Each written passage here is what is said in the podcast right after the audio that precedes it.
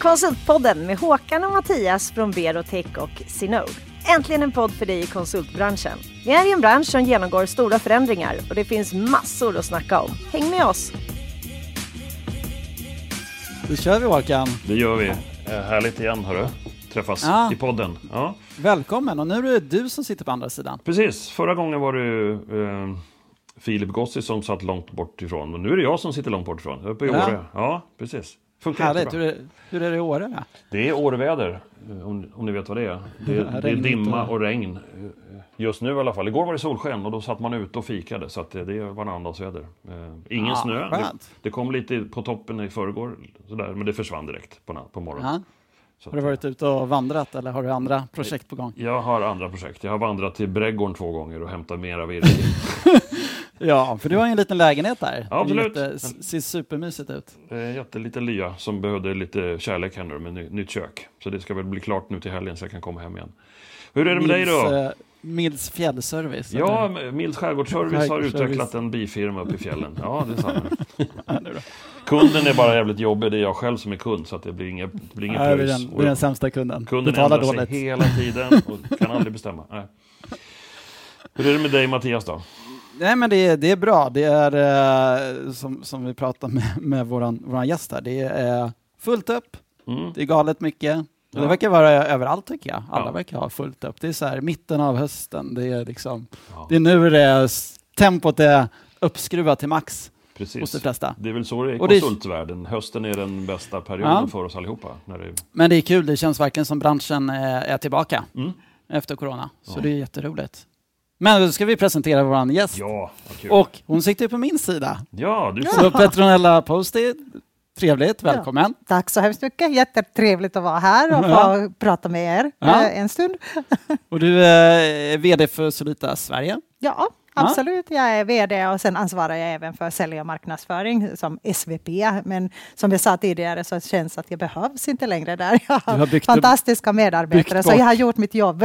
Bygg bort dig själv, det är det man ska göra som ledare. Det, har man ja, det är drömmen. Ja. Det är målsättningen. Man lyckats. Härligt. på sin egen avveckling. Det är perfekt. Ja. Ja. Ja, det, är- det är så man ska göra. Bra. Ni, ni får hjälpa mig med, med det sen. Ja. Jag, ska, jag måste också avveckla mig själv snart. Jag är inte riktigt i mål. Jag är inte riktigt i mål. Man Ja, kan så småningom. lite där. Ja. Ja, du, får, du får coacha. Men eh, hur tycker du branschen känns? Om vi börjar, Ja, med men det. vi lite. har ju haft väldigt överraskande positiv eh, corona-år kan man Ja. säga. Vi, vi var förberedda för att det ska liksom, eh, synas liksom, eh, med, med en nedgång eller någonting sånt, men tvärtom. Det har gått som tåget. Eh, och speciellt med våra datatjänster Kul. som verkar vara superaffärskritiska. Vi har fått nya kunder och så vidare. Så att just i dagsläget så, så växer vi lite snabbare än förväntat och har lite brist på konsulter. Oj, oj. Eh, men rekryterar också med, med full fart och börjat också en sån här academy-satsning. Ja, roligt. Mm. Kul. Och ni får in eh, nytt ungt Ja. folk också. Ja, det måste vara. Mix Ja, av eh, mix. åldrar och, och bakgrunder och kön och det ena och det andra. Det ska vara bra diversitet i bolaget. Och ni är ju rätt positionerade, datadrivet. Det är Ja. Som, det som gäller nu. Ja, exakt. Och kanske känner ni att kunderna börjar titta på det ännu mer nu med Jo, Ni det är det. För såklart, såklart liksom digitaliseringen baserar sig väldigt mycket på datadrivenhet och så vidare. Så att det är liksom, eh, corona kanske eh, hjälpt lite, lite grann på travet också. Eh, men ändå eh, är Sverige ju ganska digitaliserat eh, Ja. även innan. Men just det här att kunna analysera, använda data, automatisera och så vidare så att det blir, blir ännu mer aktuellt. Framtiden är ljus. Ja. Det kommer hända saker. Men, men om vi backar tillbaka lite. Petronella, vem är Petronella? Vi har, vi har kanske en liten Ja, dialekt eller liten ja jag är brytning. jättestolt över det också. Ja, det Jag är, eh, jag är ursprungligen från Finland, från Helsingfors. Där jag eh, levde tills att jag blev headhuntad eh, ungefär 14-15 år sedan till Stockholm. Jag skulle egentligen stanna här bara för, för en litet tag, sex månader och sen grunda ett svenskt DVB-bolag. Jättespännande, härligt bolag eh, till Helsingfors. Men efter tre månader så visste jag redan att jag kan inte åka tillbaks. Jag har hittat mitt hem och jag är så kär i Stockholm. Och, eh, Du är mer stockholmare än, än Ja, stockholmarna. herregud. Jag ska, eh, förlåt nu Finland också, jag ska inte flytta tillbaks. jag känner ganska starkt så, men tack och lov, det är ganska nära till Helsingfors ändå. Så att, eh, just nu kan man inte resa fram och tillbaks, men, men ändå. Så att, eh, nej, det känns, känns tillräckligt nära men eh, tillräckligt eh, Vad, vad var det som, annorlunda. nu blir man ju nyfiken, vad var det som gör att du kände dig så hemma i Stockholm eller i Sverige? Ja, jag vet inte riktigt, det vet man inte. Men Nej, det var en magkänsla. Jag är lite sån här spontan eh, och impulsiv person eh, och, och hör mycket hur jag känner. Och eh, jag fick bara den här, det var härligt med lite större, eh, större stad där det händer mycket mer och, och någonstans av lite mer internationellt känsla än eh, dåtiden i alla fall i i Helsingfors. Helsingfors har såklart liksom ändrats mycket och också under den här tiden. Men, men någonstans också den här liksom mänskliga liksom personen i fokus och individen och, och glädjen. Eh, jag tror att det är lite sådana finska krigshistoria som gör finnarna lite mer reserverade och Precis. beredda. För eh, jag var också väldigt sådär beredd för kris. Någonting det. händer hela tiden. Men här har, har jag kunnat liksom slappna av på ett helt annat sätt. Så jag mår bra i Stockholm och i Sverige och gillar även Göteborg och Malmö. Ah, och alla möjliga Ja, ställen. Åre har jag faktiskt inte varit på Nej, men det får du men komma jag kanske till. kommer. Ja, det kommer. Men hur kom du in på konsultbanan då? Ja, du, jag är liksom, det är jättemärkligt, men jag började min karriär inom mode på Diesel. Och där har jag fått min liksom känsla för uh, kulturdrivna företag och, och starka värderingar och, och eh, diversitet och, och kundnära liksom, arbetssättet. Men sen efter ett tag när jag hade varit på den här fantastiska resan under 90-talet eh, så kände jag att jag skulle behöva se lite andra branscher. Och då var det liksom konsultbranschen när Finland var så, lit, är en så liten marknad. Så där jobbade man med alla branscher, för jag behövde inte välja. Och, och tänkte att jag skulle kunna ge lite från, från mina erfarenheter till, till andra bolag också. Så hoppade jag över till konsultbranschen. Och jag är lite en datanörd i grunden, så att jag var redan då i sena 90-talet så var jag väldigt intresserad av data och speciellt hur man ska förstå kunden bättre. Spännande, du, var, du låg liksom i framkanten. Ja, jag var verkligen AI, learning, det fanns inte ens, men du höll på med det. Ja, AI och machine learning har i sig liksom funnits jättelänge, Ja. men inte på, på Inte så här på- kommersiellt sätt som det är i dagsläget. Men att använda eh, de algoritmerna för att lära sig om kunderna och affären och så vidare. Så det var, det var någonting nytt, verkligen. Och eh, jag var verkligen på framkant. Och de tyckte på Handelshögskolan i, i Helsingfors att jag var helt galen, galen som läste management science som ett väldigt matematiskt ämne kombinerat med marknadsföring. Ja. Jag tyckte bara att nej, men det här går inte. Du ska eh, läsa finans. Eller någonting annat, någonting mer matematiskt. eh, Och i dagsläget känns det som den perfekta hur? Kombinationen som alla skriker efter. Ja, exakt, Marknadsföring och någon som har koll på data. Där, det, de är svåra att hitta kan jag säga. Ja. ja, lite schizofrent så. Kan du berätta om? Jag tänkte på ditt företag du jobbar idag, Solita. Finns det något mer att berätta hur det, vad ni gör och hur ni funkar? Ja. Ja, jag tror det är inte så många i Sverige som har koll på så Nej. lite, men ni är ju stora. Vi är ganska stora. Vi är ganska sådär. Vi har inte varit så duktiga att vara ute på marknaden och berätta och synas och så vidare. Men vi jobbar med jättestora bolag även i Sverige och väldigt spännande liksom, eh, projekt där vi hjälper företagen att bli mer datadrivna på olika sätt. Och, och eh, Solita är grundad redan 96 om jag kommer ihåg rätt. Så att det är ett ganska gammalt bolag. Men alltid, Finland? I Finland, ja. Det är liksom har fäste i, eh, i Tammerfors. Som är nu för tiden lite sådär Silicon Valley eh, i All right. Finland. Och, eh, och det här Tammerfors-bolaget, så den har liksom växt upp med data och väldigt mycket programmering och så vidare. Alltid haft den här liksom känslan att vara nära kunden och vara så agil som möjligt och, och lyssna vad som kommer det skall och, och skita lite i, i hierarkier och byråkrati och så vidare. Jag, jag fick ett samtal då tre och ett halvt år sedan eh, från Finland, eh, från en rekryteringsninja, Kati Kitti. Ja, okej. Hennes namn var Katti helt Kitty. underbart. Ja. Jag tänkte, vad är det här för någonting? och hon började berätta, jag sa, men vad, vad sysslar Solita med? Jag har aldrig hört om er. Och, och sen började vi diskutera ja, och kom fram sen till slut att det här var helt underbart bolag. Det är liksom konsultbolag som är inte alls så där liksom traditionellt konsultig. Jag, jag åkte till Helsingfors på kontoret där och jag kände bara den här underbara liksom, äh, platta hierarkin, autonoma sättet att att jobba. Väldigt mycket liksom, olika typer av individer. Ingen går i kostym. Det är liksom väldigt härligt. Liksom sådär, Lite, äh, lite sådär avslappnat och skönt. Riktigt smarta människor. Jag är sån som blir jätteförtjust i hjärnor. Jag, tycker, jag tycker om jättesmarta människor. Jag tycker det är liksom fascinerande. Så att jag blev helt sådär, paff, right. vad är det här? Och mycket liksom roligt och mysigt samtidigt som det är väldigt mycket passion och professionalism och, och, och, så vidare. Så att jag, jag tycker det är en häftig, häftig kombination. Och starka liksom, kulturella värderingar och, och, och ja, jag vet du inte. Hittade hem. Liksom, ja, jag hittade hem helt enkelt. Ja, Men hemmet fanns inte då i, i, I Sverige. Sverige?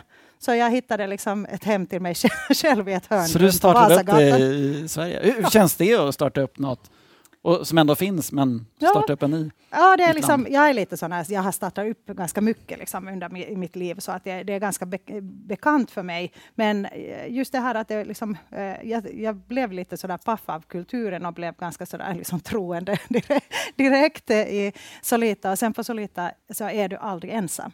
Så man gör inte saker själv. Det är alltid liksom nätverk av människor och kompetenser och kunskap. Eh, även om vi sitter i olika länder eller eh, städer eller så vidare. Så att eh, det har ju hjälpt såklart jättemycket. Ensam kan man inte göra sån här sak. Petronella. Eller kanske det. Jag tänkte, hur, hur lyckades du föra över den kulturen som du blev kär i från, Mm. från Tammerfors till Stockholm, eller till Sverige? Hur, hur gör du för att liksom föra över den? Ja, För den, delar vi, den frågan delar man säkert med många som sitter i den här rollen att liksom man ska etablera sig på flera orter. Eller, hur gör du? Ja, Hur gör man? det är, ja men det, det är en utmaning såklart. Men eh, som sagt så vi jobbade ju i ett team som är från olika, olika städer och länder sen liksom, eh, och så vidare. Så att vi, var, vi hade ett internationellt liksom, business unit där vi, vi etablerade ju kontor också till Estland samtidigt som i, i, i, i, i Stockholm. Då, då. Och sen min tanke var också den att jag, jag började liksom samla på på mig folk liksom från Finland, från Solita, så jag rekryterade internt så att vi får den här Ah, kulturöverföringen. några flera. och sen eh, rekryterade jag också eh, utanför min gamla krets. Så, Mm. att, eh, så att det inte blir den här... eh, Jag har mycket kollegor inom BI och DV, men eh, jag försökte titta liksom, Mm. utanför den lådan för att vi, vi ska ha in lite nytt. Eh, nytt, nya liksom, talanger och, och folk som, som har kanske en lite annorlunda syn. Så att det inte blir en kopia av nå, någonstans där jag har jobbat tidigare. Mm. Så att, det, det var lite, lite långsammare process såklart. Och sen i början så körde vi ju projekt med, med våra finska kollegor Och, eh, och sen satt in liksom våra svenska kollegor i de projekten. Och vi byter ju mycket liksom mellan länderna också. Så att våra svenska konsulter kan jobba i Tyskland eller till, till exempel i Helsingfors i ett projekt eller Tammerfors eller så vidare. Och, och vice versa. Så att eh, det är kulturutbyte. Det är jätteintressant. Det låter Och så har ni fått Förlåt. Jag tänkte att, att starta i Estland samtidigt som i Stockholm, Sverige är också bra. De har ju två noder att liksom samköra kulturfrågan från Tammerfors. Jag det- det blir ett ganska bra projektarbete kan jag gissa. Nu, Ja, det blev vi ju. Mm. Ja. Mm. Väldigt mycket utbyte. Ja, vi gjorde ju väldigt mycket sån sån här samkörning också och, och berättade hur det ser ut liksom från eh, utlandet så att säga. Hur, hur Solita ser ut liksom, eh, från vårt perspektiv och vad Japp. behövs. Och så. Så börjar ni bygga upp i Stockholm och sen har ni ju förvärvat en del bolag också. Ja, absolut. Och vi öppnade faktiskt innan vi började förvärva i, i Göteborg också. Så att vi hade ju kontor både i, i Stockholm och sen i Göteborg. Eh, och sen, sen tänkte vi att okej, eh, vi, vi har skannat marknaden hela tiden och vi skulle hitta någon liksom, match made in heaven. Och väldigt viktigt för, för oss alltid när vi rekryterar är först liksom, kulturella liksom, matchen, att vi, eh, värderingarna stämmer överens och så vidare. Så gjorde vi också med bolagsförvärv. Så att vi gjorde inte den här liksom, vanliga eh, börja med siffrorna och Nej. räkna fram hur många konsulter, omsättning och hit och dit. Men att vi började, solklart det är en viktig, viktig parameter också, men ännu viktigare är den här att vi kulturellt matchar eh, varandra.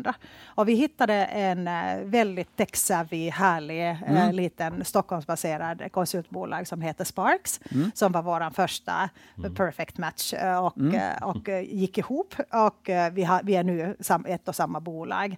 Det här var ett tag sedan. Och sen nu håller vi på att integrera oss med Ferrologic, Yes. som är ett annat bolag. Och, och där hade vi liksom själsvänner. och, och samtidigt så när vi bara har kört nästan data och cloudtjänster i, i Sverige, men vi har lite bredare portfölj av tjänster i Finland. Så, så den kompletterande delen liksom kommer från Ferrologic. Så att nu börjar vi få liksom en helhetstjänsteerbjudande. Och nu är ni ganska stora i Sverige. Vi är ganska stora. Vi är ju 120 och jag tittade Mm. faktiskt på eh, The Swedish Team eh, Slack-kanal nu, så, så där tror jag det var 137 personer. Så Härligt. att, ja, vi vä- växer, Vi hela växer tiden. snabbt. ja. Vi växer snabbt. Ja, men det är härligt. Ni har gjort en Eh, underbar resa och Solita verkar vara ett, vara ett coolt bolag. Och eh, en av era frågor som ni brinner för på Solita vet jag, det är ju Diversify och jämställdhet och, och så vidare. Jag vet att ni, ni jobbar på ett, ett väldigt intressant sätt. berätta, berätta hur, hur, är Ja, liksom, men- hur, hur tänker ni kring Jag tror jämställdhet? att ja, jämställdhet för oss är lite, lite som fråga vi, liksom, vi försöker bygga ett företagskultur som, som tar hänsyn till individen. Så att, eh, och, och hanterar också liksom individen eh, så att var och en har ett helt liv att leva. Så det kan inte bara vara arbetet. Nej. Och det kan inte bara vara eh, att vi ansvarar för den här arbetsdelen och sen allt utanför det vi tar inte hänsyn till. Men vi måste ha liksom, eh, ett arbetsplats för våra medarbetare där de utvecklas och, och, och att arbetsplatsen anpassas lite vid olika livssituationer och så vidare.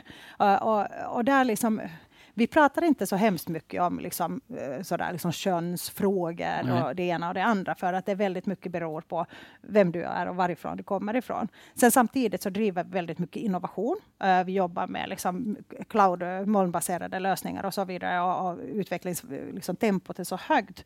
Så du måste vara in, innovera hela tiden och eh, liksom återskapa dig själv. Och där för att kunna liksom ta hänsyn till olika perspektiv så måste du ha liksom, diversitet i bolaget, annars går det inte. Annars fastnar du i samma tankebanor och så vidare. Så det här är liksom en eh, livsfråga liksom, fråga för oss faktiskt, att, att vi har tillräckligt mycket olika perspektiv. Hur tycker För du, alla bolag? Förlåt, hur tycker du Pernilla att jämställdhetsfrågan, hur, på vilken nivå har våran konsultbransch kommit? Hur långt har vi kommit? Tycker du? Ja, eh, när man läser liksom artiklar och, och statistik och så vidare, så det finns ju massor att göra solklart eh, fortfarande. Och, och, eh, och jag tror att det är liksom större samhällsfråga än bara liksom våran bransch. Eh, men, men jag skulle önska att, att den här frågan skulle vara mera som en målsättning för flera bolag och att man börjar aktivt liksom följa vad som händer. För att nu känns det att man pratar lite om frågan, men man följer inte upp. Nej. Man planerar inga aktiviteter att göra på något annat sätt. Och sen just det här att eh, på konsultbranschen så det går upp och ner och oftast är det liksom jättebråttom och sen blir det lite svackor och så vidare. Och när det är bråttom så glömmer man bort de här fina målsättningarna eller, eller det att man ska försöka faktiskt hitta olika typer av kandidater och inte gå till den här liksom snabbaste bästa. Eh, men att gå utanför sina gamla ramar och, och, och titta lite bredare på marknaden. Mm. Ja, nej, men det, det kom ju faktiskt en ny Allbright-rapport där i veckan såg jag. Ja. Och det var inte så eh, fina siffror. Det var ju till och med att det hade stått still eller till och med gått bakåt i vissa fall. Så det finns mycket att göra. Och, och ni har ju något eh, initiativ som ni kallar det dolda glastaket. Ja, ja, vi började faktiskt med Female Engineer Network. Så, Mm. så ha, eh, började vi en sån kampanj ungefär ett år sedan. Vi var i Almedalen och pratade om det här och gjort, gjorde en manual faktiskt för, för olika företag. För, vi har identifierat i, i kvinnans liksom, yrkesliv eh, så är det oftast eh, brytpunkten någonstans är det att du går på föräldraledighet. Eh, och i många fall tyvärr blir det så att när du går till eh, föräldraledighet så, så blir du lite bortglömd. Eh, kanske redan då, när man är gravid, så börjar man få lite sämre arbetsuppgifter och du börjar liksom avvecklas från organisationen. Eh, och sen är det helt liksom, enligt statistik är det också att när du kommer tillbaka från föräldraledigheten, så, så eh, ja, tio år efter, så tjänar kvinnorna 30 procent mindre än deras män, även om man hade börjat från samma nivå. Så att män tjänar bättre när de har fått barn och kvinnor sämre. Så att, Aha, okej. Ja, det är helt Det är otroligt. otroligt. Eh, Det, jag tycker det är väldigt liksom märkligt eh, liksom Ja. på alla sätt och vis, men jag tror det är strukturella frågor där också. Eh, nu ser vi, vi har jättebabyboom på gång eh, på, på Solita som är helt underbart. Vi, är liksom vi har sådana Ja, mini-bodysar, just det. Solita bodysar för våra bebisar. Och ja, det är så himla kul och, och jag hoppas att vi får, lite, eh, får träffas varandra snart så att vi får ha en dagis. ni får, ni får starta en dagis. Ja, ni får starta en dagis Exakt, ja. Men äh, nu tappade jag lite min tråd här, vad jag sa. Men, ja, nej, men jag, jag tycker det är jätteintressant, mm. jag vet inte vem som sa det, men mm. det, det, är som du säger, när en, en kvinna går på föräldraledighet ja, så säger man hej då, mm. vi syns och sen blir det så här, vi syns kanske. Mm. Men när en man ska gå på föräldraledighet, då är det så här, ja, men, du är tillbaka om sex månader, då har vi en ny roll för dig och vi ska satsa och så vidare. Mm. Om man generaliserar. Det finns lite de ja. tankarna. Hur tänker du Håkan? Nej, men jag, eh, jag hör vad ni säger. Jag eh, märker inte det hos oss så mycket. Men jag, tyvärr är det ju sant det ni säger. Och vi har ju Josefin som är med som vår extra mm. gäst hela den här säsongen. Och hon är ju precis på väg. Och hon har blivit gravid och hon ska bli föräldraledig någon gång till våren. Och hon, hon yttrade det förra gången vi pratade med henne att hennes oro är någonstans. Hur ska jag kunna behålla mitt nätverk? Hur ska jag kunna, mm. kan, kan jag träffa mina kunder även om jag är föräldraledig? Alltså mm. varför ska man mm. behöva ställa den frågan ens, tänker jag. Mm. Men den är ju på bordet. Och då tänkte vi på dig redan då när vi hörde henne säga det Petronella, att ni har ju någon idé om hur man kan liksom hålla bryggan eller dörren öppen hela tiden. Så det skulle vi gärna vilja att du berättade mer om, för ja. det tror jag många vill höra. Hur, ja, ni jobbar ju systematiskt med det. Hur, hur ja. gör ni rent praktiskt? För det, där är, det låter ju, när du berättade för mig förra gången, det, det lät ju inte så himla svårt. Och det brukar inte vara det när det är sådana geniala saker. Berätta hur, hur ni gör. Ja, och det som jag faktiskt, nu kommer jag ihåg vad jag skulle liksom säga med alla dessa bebisar och så vidare, är roligt att se hos oss i alla fall, att, att äh, alla liksom, papporna, nyblivna papporna, så de, de eh, tar 50-50 den ja. här äh, föräldraledigheten och det tycker jag är så himla kul. Mm. Men oavsett om du är man eller kvinna så på, på Solita så gör vi en föräldraledighetsplanering Mm. Uh, och vi börjar den dagen när uh, personen vill berätta att, att uh, det ska bli tillägg till familjen. Mm. så, så börjar vi sen planera att aha, men vad roligt och, och, hur känns det och så vidare. Vi har även sådana föräldraledighetscoacher som är kollegor som har varit i samma livssituation. För att man måste ju förstå att det här är en jättestor livsändring och uh, hela liksom, strukturerna och alltihopa ändras. Och det måste man som arbetsgivare ta till hänsyn till. Att okej, okay, nu är det en annan situation och det här kommer att mm. påverka på, på karriären eller, eller eh, kanske ambitionerna eller, eller kanske det blir ännu för högre ambitioner eller mm. vad, vad, som helst. Strukturerna väldigt mycket. Och sen går vi igenom lite sådana liksom, eh, diskussion hur man vill liksom hantera det här. Nu liksom den tiden som man jobbar och när ska man tänka sig att gå på föräldraledighet och hur känns det och hit och dit. Och vi har sådana diskussionskort också som stöd okay. som man kan använda för att vi ska inte eh, tro att någon tänker på något sätt. Vi ska mm. veta. Och det är jätteviktigt också att ta bort det här. Jo, men, och det händer ofta. Jo, men hon är väl gravid. Nu vill hon bara vila. Mm. Tror man. ja, exakt. Och det stämmer inte alls, för det är väldigt individuellt såklart. Men uh, vi gör det här uh, och det börjar med det här första samtalet. Sen har vi liksom nästa samtalet när föräldraledigheten närmar sig.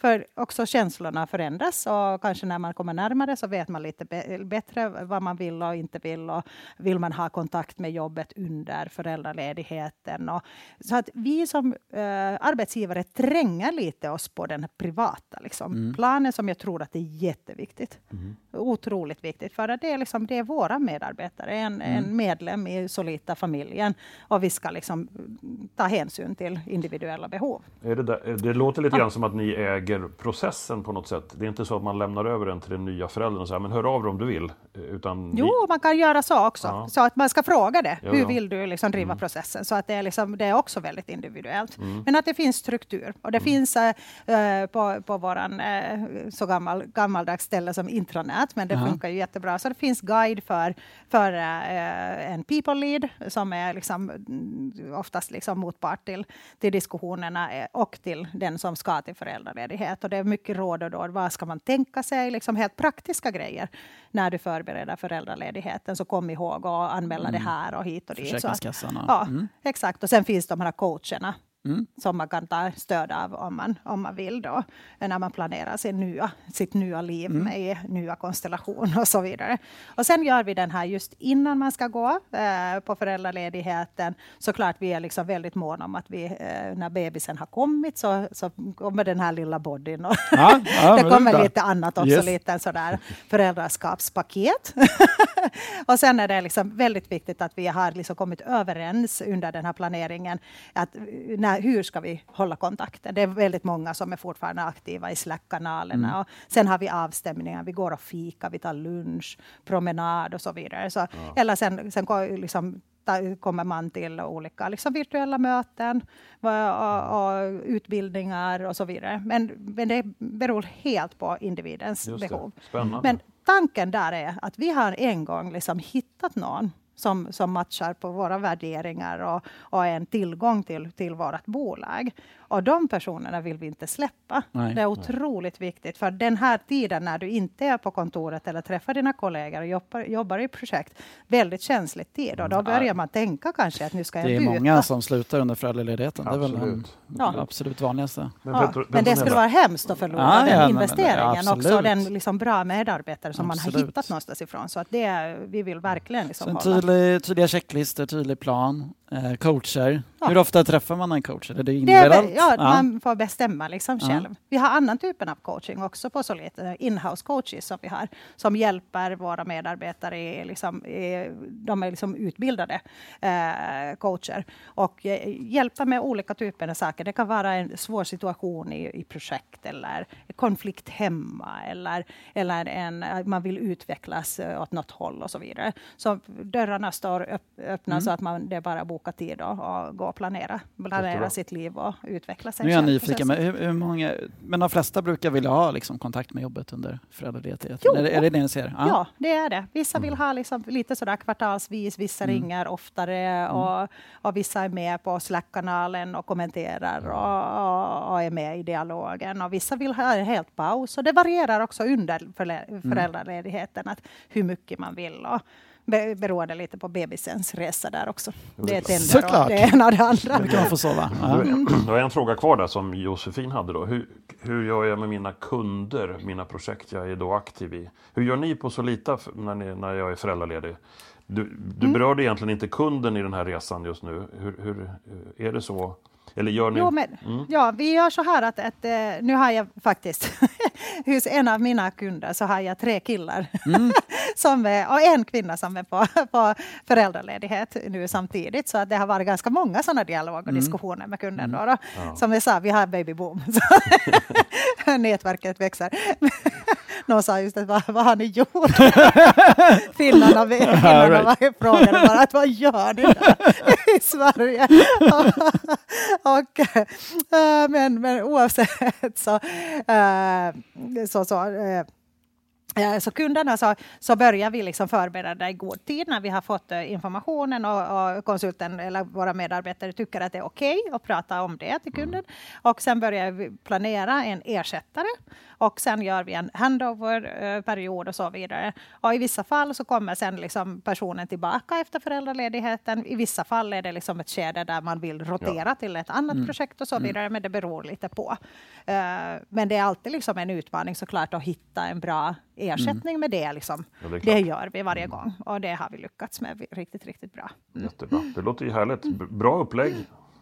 Ja, det tycker jag med. Så enkelt som du säger. Ja. Alltså det är ja, bara en enkel planering, diskussionskort, lite, lite coaching. Mm. Och som du säger, det, det ger både till kulturen, medarbetaren ser sig sedd, men det ger också Alltså om vi ska kolla på finansiellt så ger det också att ni, ja. ni har en, en medarbetare som är kvar. Ja, absolut. Ett eh, jättebra jobb. Så att, ja, och dessutom utvecklats till eh, utvecklas. väldigt liksom eh, ansvarsfull man och mångsysslare. Ja, man utvecklas väldigt mycket med barn. Eller hur? Uh, otrolig tillgång sen mm. efteråt man kommer tillbaka. Du brukar säga det, småbarnsföräldrar, det är de som är mest effektiva. Ja, det, det är de. Plus tålamod, herregud. Om man får sova. Ja, jag har ju mindre barn. Du är mer effektiv än mig Mattias, jag vet. Ibland är det si och så. Nej, det säger jag inte. Förlåt, ja, men, det ju, men det låter ju som ett jättebra sätt för att, att både behålla och skapa kultur. Och, och tänk att komma dit eh, som man eller kvinna till er och så kan man läsa på det där gammaldags internetet. Ni har till och med tänkt på, på mig när jag ska bli föräldraledig. Det gör att man liksom får ett ännu mer starkt hjärta till, till er. Mm. Ett smart upplägg. Ja, och det hör till Mm. Rostas. Tack så mycket. Jag tyck, tyckte också att våran liksom, eh, den här liksom kärnvärderingen är eh, att bry sig om, Ja. to care. Precis. Och det är, det är någonting som jag liksom eh, älskar varje dag mer och mer. Mm. Eh, för det, det kommer med både den här att vi ska bry oss om varandra och sig själva, eh, sin familj, sitt liv, sin kund och Mm. arbete och allt ska vara i balans. Och det är väldigt mycket ansvarstagande i det där hela. Ja. Så det är inte bara lullull, liksom, Nej. att nu ska jag klappa dig lite på huvudet och så Mm. vidare. Men det är, det är mycket mer än så. Det går mycket djupare än så. Jag tycker att det här är en bra reflektion av det här. Mm. Att vi tar ansvar tillsammans om den här situationen och, och förändringarna och så vidare. Och, och det här appliceras lite den här samma tänket, tänket faktiskt på andra livssituationer som man har. Mm.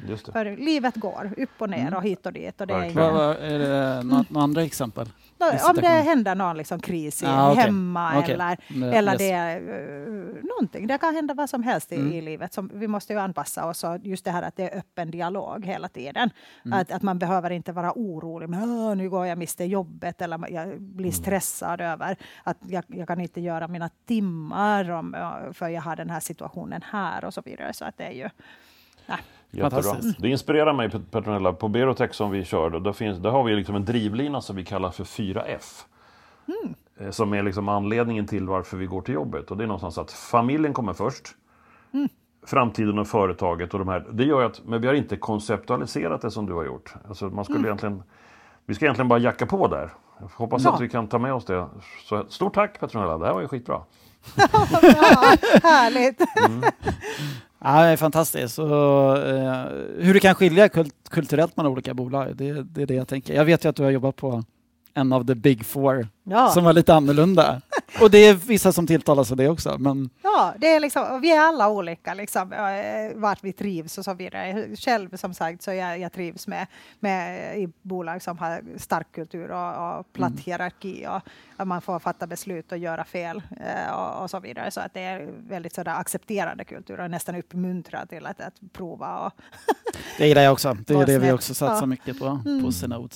Ja, Testa, bättre att testa och göra fel än, än inte göra något. Ja, exakt. Precis. Det är så många som planerar och planerar och planerar och så kommer de aldrig startblocken.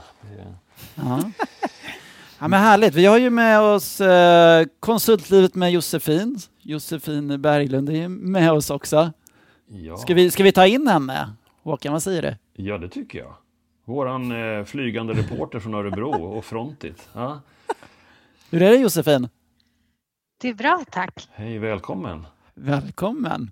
Nu har du missat kanske lite vad vi har pratat om, men vi har ju pratat om graviditet och hur man gör både liksom innan och under och efter med, med Petronella här som är, eh, har ju fantastisk struktur på det hela på, på Solita. Ja, vad spännande. Då ska jag lyssna sen. Då ska du lyssna. Hur, hur, hur går dina tankar nu när du närmar dig? Det känns fortfarande långt bort. det är trots allt tre månader kvar. Men ehm, jag, eh, jag pratar ganska mycket med mina kollegor om, om att jag ska vara med sen och jag har planerat in med min mamma att komma en dag när vi ska ha konferens och ta hand om bebis när hon kommer vara kanske så här sju veckor så att jag kan få vara med med mina kollegor. Men, men de skrattar mest och, och ler lite åt mig och tänker att ja, ja, vi får väl se sen. Så, men jag har satt som mål för mig själv att jag ska ha i alla fall en sak i månaden som jag ska göra med mina kollegor. Att jag träffar någon på lunch eller gör någonting. Så att jag Jättebra. Härligt. Och vad, vad känner du fortsätter att hålla när du, kontakten. Ja, Nej, nej, men jag, jag ty- tycker att det låter jättebra. Och sen ska man ha lite flexibilitet. att Det är bra att ha målsättning, men, men sen kommer och går lite liksom, olika Ja. situationer också. Kanske du kan träffa någon två gånger om månaden och Precis. någon månad och sen kanske en månad träffar du ingen och så vidare. Men, men jag tycker det är jätteviktigt att också tänka lite så här att, att hålla kontakten och vara med. För det ger så mycket, mycket mer. Eh, själv kände jag mig lite isolerad faktiskt på eh, för, föräldraledigheten. Ja, men då, då hade jag ingen arbetsplats så jag grundade eget bolag då. men det, det var också då är kul. tuffare? Ja. ja, nej, men jag tycker att det låter jättebra. Och just den här att hålla kontakten och hitta sitt egna sätt, eh, vad som passar eh, i vardagen. Och förhoppningsvis är de proaktiva också från, från eh, din arbetsgivars sida och hålla kontakt. Jag tyckte det var intressant det du sa Petronella, att många tror att föräldralediga och man föder barn, att då ska man inte lägga sig i. Men det är många som vill ha tvärtom. Mm. Mm. Och du, eh, ja, Jättebra. Josefin har Men Josefin, du får lyssna mer sen och ta, ta snack med Petronella och inspirerar oss hur vi ska göra. Men också en annan sak som du Josefin var ute för nu, att du har gått i lag med en äldre seniorkonsult och tyckte det var så givande. Och så vet jag då att Petronella har ett mentorprogram på Solita.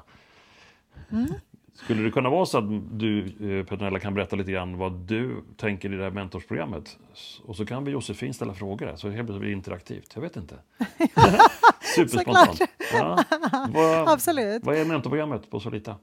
Ja, på Solita vi har ju liksom eh, mentorer som eh, för olika, liksom, om man vill ha en mentor så, så kan man liksom föreslå till en kollega att det kan vara, min mentor och det kan vara vem som helst. Det kan vara eh, grupp-vd eller det kan vara liksom din parallellkollega eller, eller någon från eh, stödfunktionen eller vad som helst.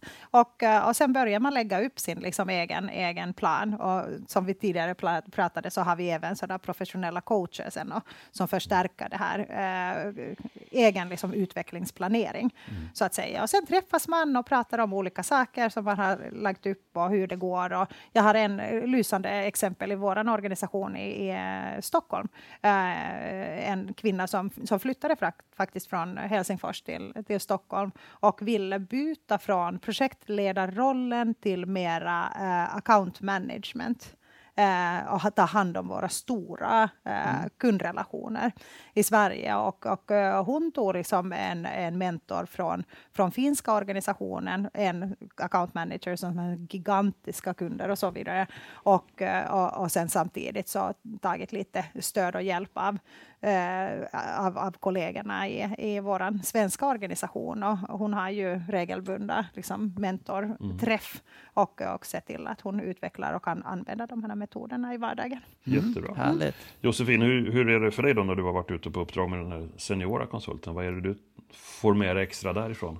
Väldigt mycket. Ehm, Jag har en jätteduktig kollega på förändringsledning och vi har hållit i utbildning kring förändringsledning tillsammans. Och dels så blir jag ju väldigt boostad av att ehm, jag får vara med och utveckla den här utbildningen och ta fram material och inte bara gå vid sidan om. Men samtidigt så, så känner jag att jag har ett stöd och liksom jag har en, en, hans djupa kompetens med mig så att jag behöver inte stå där själv och känna att ja, men, tar jag mig vatten över huvudet här.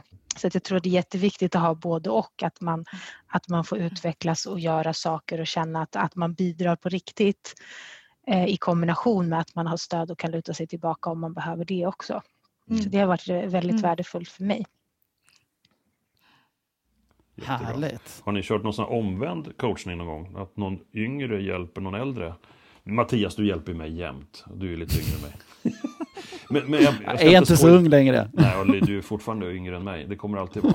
Men jag tänker att, för det finns ju en sån resa också, att, att, att liksom omvänd coachning. Jag, eh, det är någon av er som har jobbat med det? Jo, jag, jag måste säga att jag, jag tycker det är jättegivande att jobba med våra, våra yngre konsulter och, och samla lite feedback och, och idéer och så vidare. För oftast så har man lite annan perspektiv och man är själv lite van vid sina egna liksom, sätt att arbeta och så vidare och kanske inte ser. Och därför tycker jag eh, alltid när det kommer en ny in i organisationen eller någon yngre som jobbar på lite annat sätt så man ska vara lite nyfiken och sen släppa in dem och gå och fråga lite frågor. Ingen sån här liksom, um, regelbunden kontakt har jag inte annars än med min tioåriga dotter som coachar mig Precis. varje dag. så, så, och, och så bra liksom, synvinkel Ja, och, raka puckar och så vidare för, för mamma. Mamma, nu är, tänker pin, nu är du pinsam igen. Är det det? Ja, nå, lite det. Och sen, men varför tänker du så där? Varför kan du inte bara tänka så här? Aha, men det, wow. det öppnas en helt ny värld Mm. faktiskt. Men superviktigt tycker jag. Ja, Jag har ingen erfarenhet direkt eh, från ett eh, sånt tydligt mentorskap i min konsultroll. Jag hade en, en mentor på min tidigare arbetsplats eh, en period och det var eh, jättebra. Han hjälpte mig jättemycket framåt i min projektledarroll då. Mm. Men jag tänker på Frontit har vi väldigt, ett av våra värdeord är prestigelöshet. Och jag vet att ja, men jag kan bolla med Olle i de här frågorna och med Tony eller med Malin eller med min konsultchef Johan i vissa frågor. Och eh, då vet jag att liksom, det är ett sånt klimat att det är okej att ställa frågor och eh, vi hjälps åt liksom framåt på olika sätt. Så mycket tänker jag också att det är en, en kultur som man vill ha att inte bara en relation mellan två personer utan att man vill att det ska finnas på flera sätt och på flera nivåer i en organisation. Mm. Mm. Det är jättebra. Verkligen. Särskilt viktigt när man är ute på uppdrag, ibland ofta ensam. Och då är det bra att känna att det finns ett stöd bakom, där man kan få hjälp. Mm. Och Josefin, vad händer annars i konsultlivet den här veckan? Ja, ja men igår höll vi eh, den här eh, dag två på vår förändringsledningsutbildning så eh, det har varit mycket förberedelse och jobb inför det och nu på förmiddagen precis innan jag ringde in här så satt vi och planerade nästa tillfälle då vi ska djupdyka i en metod som heter SCARF mm. och utbilda och hålla workshop med, med våra deltagare så det ska bli superroligt att få vara med och skapa den från början. Härligt. Det är kul för du låter så positiv och så lär du dig så mycket. Ja. och det är därför vi valde konsultbranschen. Ja. Jag har också, men vi hade den här utbildningen igår och eh, man blir påmind varje gång när man interagerar med en grupp hur, hur viktigt det är att den här gruppen ger energi tillbaka. Eh, ja. När man sitter och föreläser eller pratar med någon och det är liksom, man inte möter så mycket eh, tillbaka så är det så stor skillnad för den här gruppen var ju liksom ja, jättemycket tankar och idéer och liksom positiv energi. Ja. Kör ni digitalt eller är det fysiskt? Vi har kört både och. Eh, så vi har haft ett stort konferensrum, eh, haft möjlighet att sprida ut oss och haft några i rummet och några digitalt. Eh, så det var liksom någon som i sista stund hoppade över till digitalt på grund av förkylning och då hade vi förberett för det. Men önsk eller liksom, det nästan lättaste kanske är att välja för att det blir inte exakt samma upplägg såklart om man vill ha det fysiskt eller digitalt. Men mm. den här gången har det blivit en liten mix och det har funkat helt okej. Mm. Man får gå runt med högtalarpucken liksom och ställa den på ja, framför folk när de pratar och vinkla ja. kameran och sådär. Så att, ja. ja, det gäller rätt utrustning. Det är mycket ja. Josefin, är det någonting du vill att vi ska komma tillbaka till när vi träffas nästa gång som vi ska ha med. Så vi lägger upp en liten plan för nästa projekt. Har du något som vi ska... Ja, men jag tänker att vi ska prata lite mer om rollen som konsult. Ah. Kanske hur det är att gå från att inte vara konsult till att bli konsult eller vad det, det här med konsultmannaskap och konsultrollen, vad det innebär. Jättebra. Låter klokt. Det är ja, lite cliff, gärna höra er där. också vad ni säger. Ja, ja, ja, ja, har jobbat mycket längre än mig. ja. Då har vi en cliffhanger där. Till nästa gång, då tar vi med oss eh, konsultmannaskap och sen hur man byter roller då från kanske anställd till konsult eller inom konsultbolagets olika roller. Vad spännande! Mm. Ja, då har vi det till nästa gång. Härligt! Då brukar vi alltid ha en avslutande fråga Petronella. Nu mm. kanske vi inte ens har skickat den innan, men har du tips på någon gäst som vi borde ha med i Konsultpodden. jag tycker ni ska ta Frida Karling från vår organisation så får hon berätta lite hur det är att uh, coacha yngre att bli datakonsulter och så vidare ja. och uh, Academy-arbetet uh, hos oss. Då. Jättebra. Härligt. Det var ju snabbt svar. Ja. Ja. Bra. Har du någonting mer Håkan? Ja, vad sa du? Har du någonting mer? Förlåt. Nej, egentligen inte. Jag bara tänkte, men det blir för, kanske för långt. Men jag, jag kastar ur mig den ändå. Jag tycker många gånger när man pratar om jämställdhet och läser om det i artiklar så tycker jag att man pratar väldigt mycket och ofta till kvinnorna att de ska göra mer, de ska ta mer aktiva roller, de ska ta ännu större ansvar. Och vi andra står lite grann vid sidan om där. Så, ja, ja, ja. Men jag undrar om Petronella har något sjukt smart tips till oss gubbar och män hur vi ska se till att mångfalden blir bättre. Som avslutning. För det, jag, tycker det, jag vet inte om ni har rätt, att det talas ju ofta till kvinnorna att de ska ta för sig ännu mer. Men, vi är ju halva gänget, vad, vad, vad borde vi göra? Har du några bra tips? Då? Ja.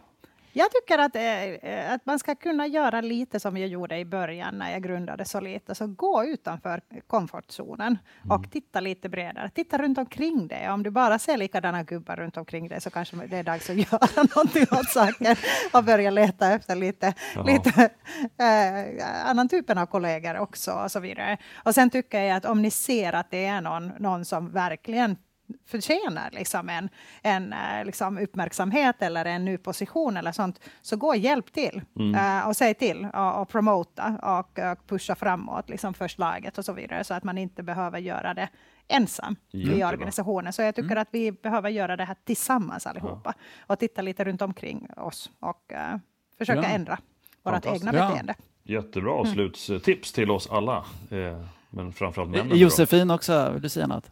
Har du någon tanke? Nej, men jag tänker bara på det är så viktigt med positiv feedback och återkoppling så att det man kan göra som oavsett som man eller kvinna är att försöka boosta folk runt omkring sig och lyfta upp dem och Ja. hjälpa dem framåt.